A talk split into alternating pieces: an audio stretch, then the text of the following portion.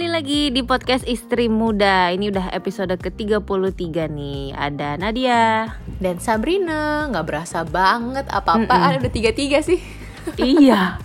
Eh by the way ini udah jalan 2 tahun 2 tahun ya? Apa jalan 3 tahun ya Sab kita berarti? Iya ini ya? baru ngomong pas banget loh. Kita ini udah nggak kerasa Sudah lama juga ternyata podcastan ini Iya. ya Dan untuk episode kali ini kita spesial nih Ada bintang tamunya lagi Asyik. Biar nggak bosen kita-kita terus yang ngoceh ya kan Ada siapa juga? Hari ini ada Mbak Tika Dia itu seorang psikolog anak dan Betul. juga founder dari Little Finger Yeay, kemarin kita sempat bahas juga tentang Little Fingersnya Mungkin kita boleh sapa dulu Mbak Uh-uh. Tika Halo Mbak Tika Halo Halo halo, hai Nadia, hai Sabrina. Hai, Mbak Tika. Kemarin kita uh, Yes, yes. sempat bahas nih di episode sebelumnya soal buku anak. Kita bahas soal Oh.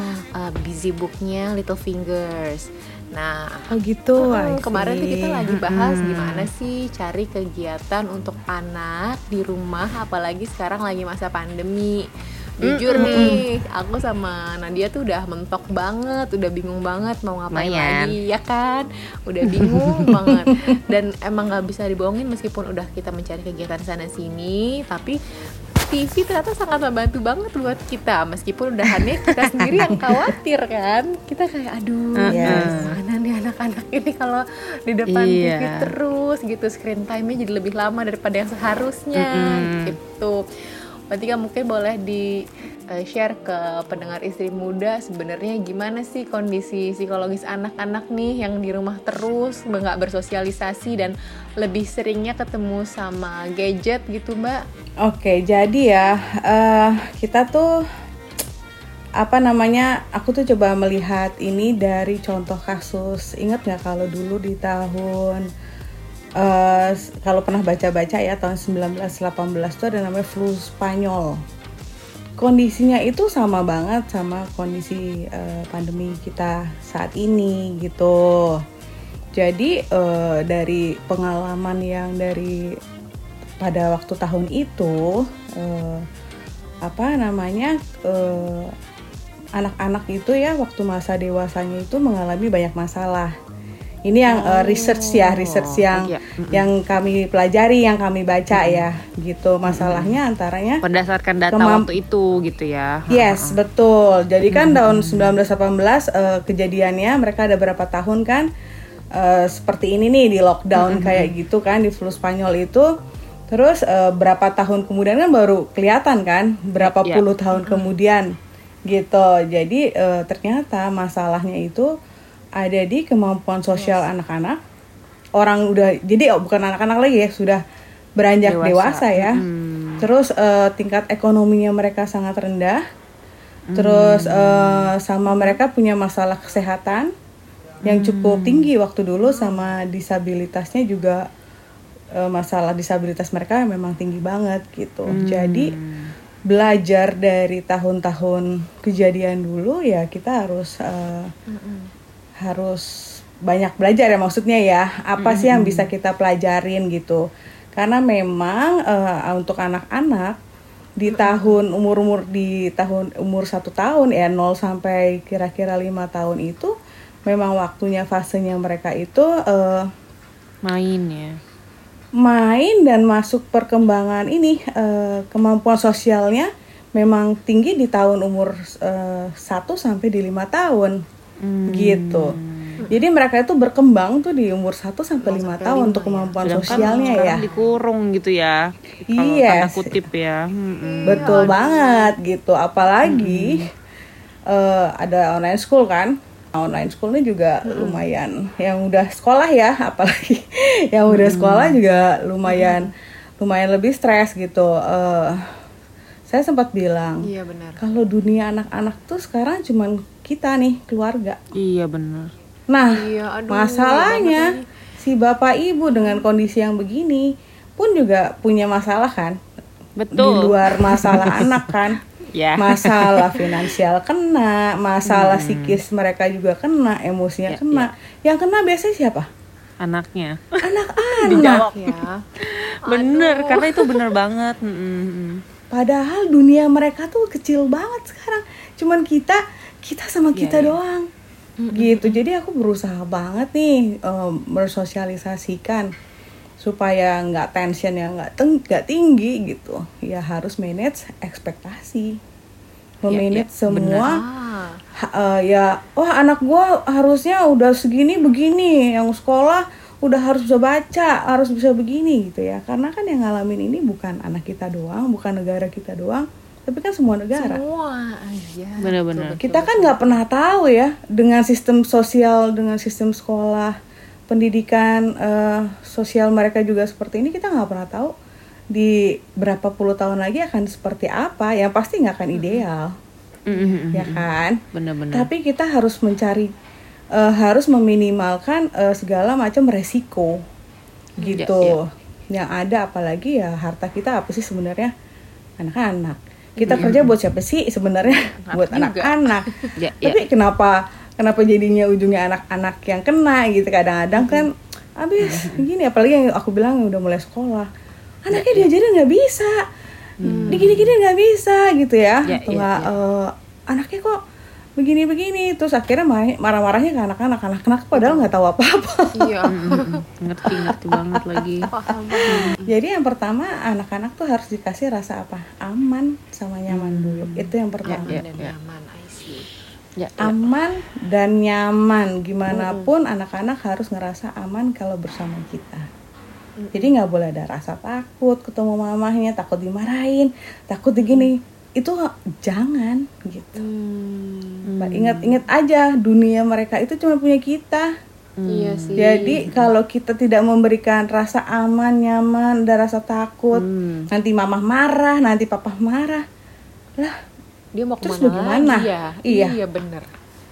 Aku gimana anak sekali. itu bisa ber anak itu baga- bagaimana anak itu bisa berkembang menjadi anak yang percaya diri ya menjadi anak yang eh ya anak yang percaya diri intinya adalah aku nger- aku tuh berharap anak-anakku tuh anak-anak kita tuh tumbuh menjadi anak yang ra- punya rasa percaya diri dan Hmm. mereka bisa bertanggung jawab dengan dirinya sendiri Betul. karena aku tuh ngerasa dari dari apa yang aku udah eh, selama 17 tahun ini jadi seorang psikolog dan seorang ibu ya maksudnya pinter itu nggak penting Hmm.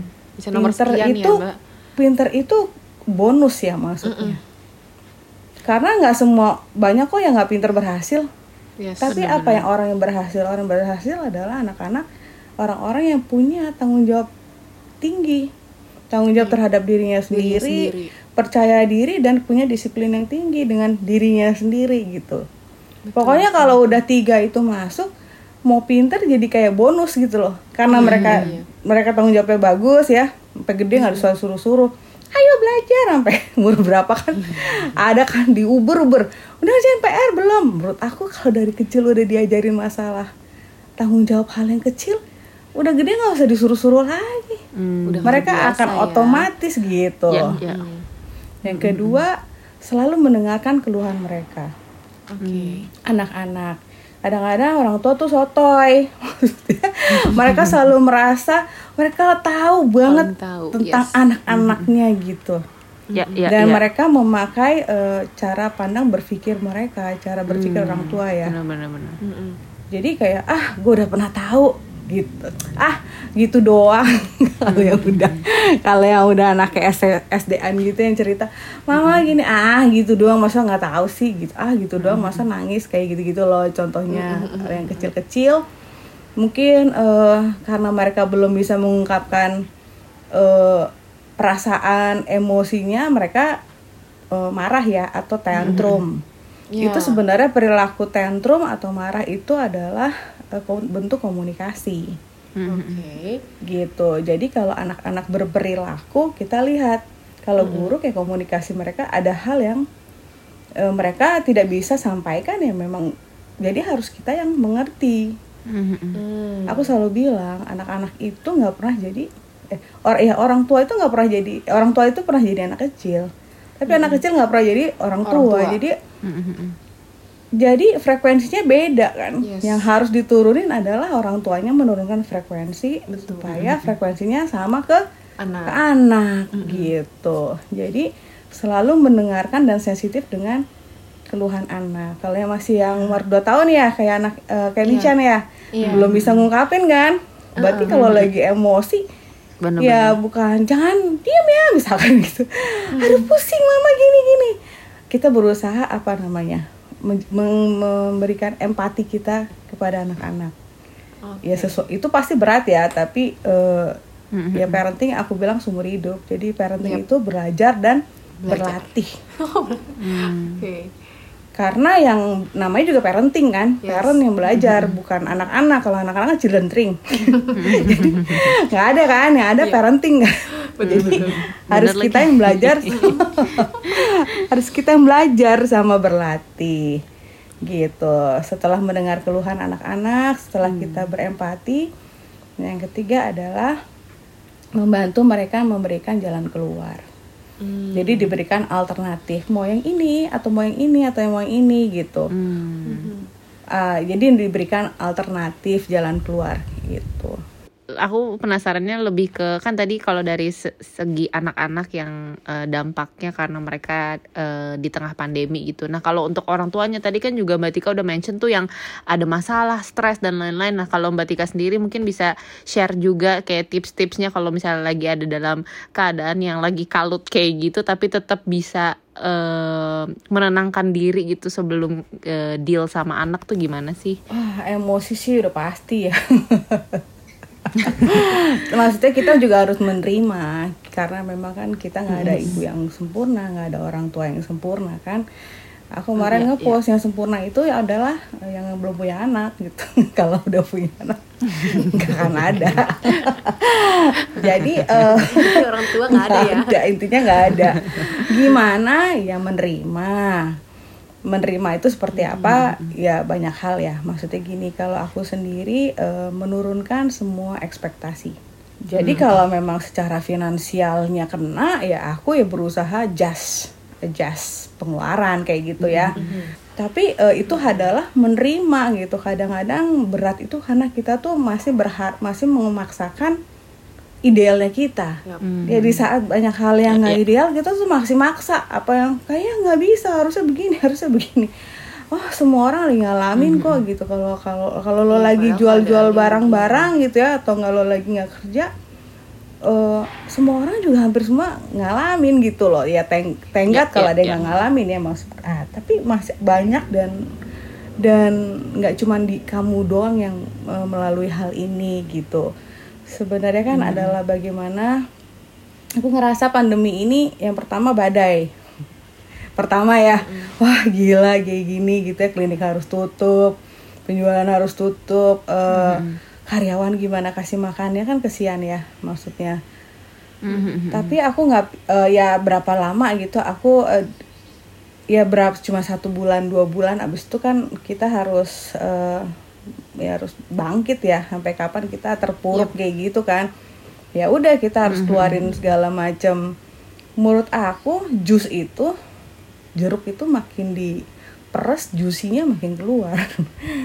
Jadi Jadi harusnya kita begitu juga ya. kreativitasnya kita tuh makin di makin di apa makin dipancing gitu sebenarnya.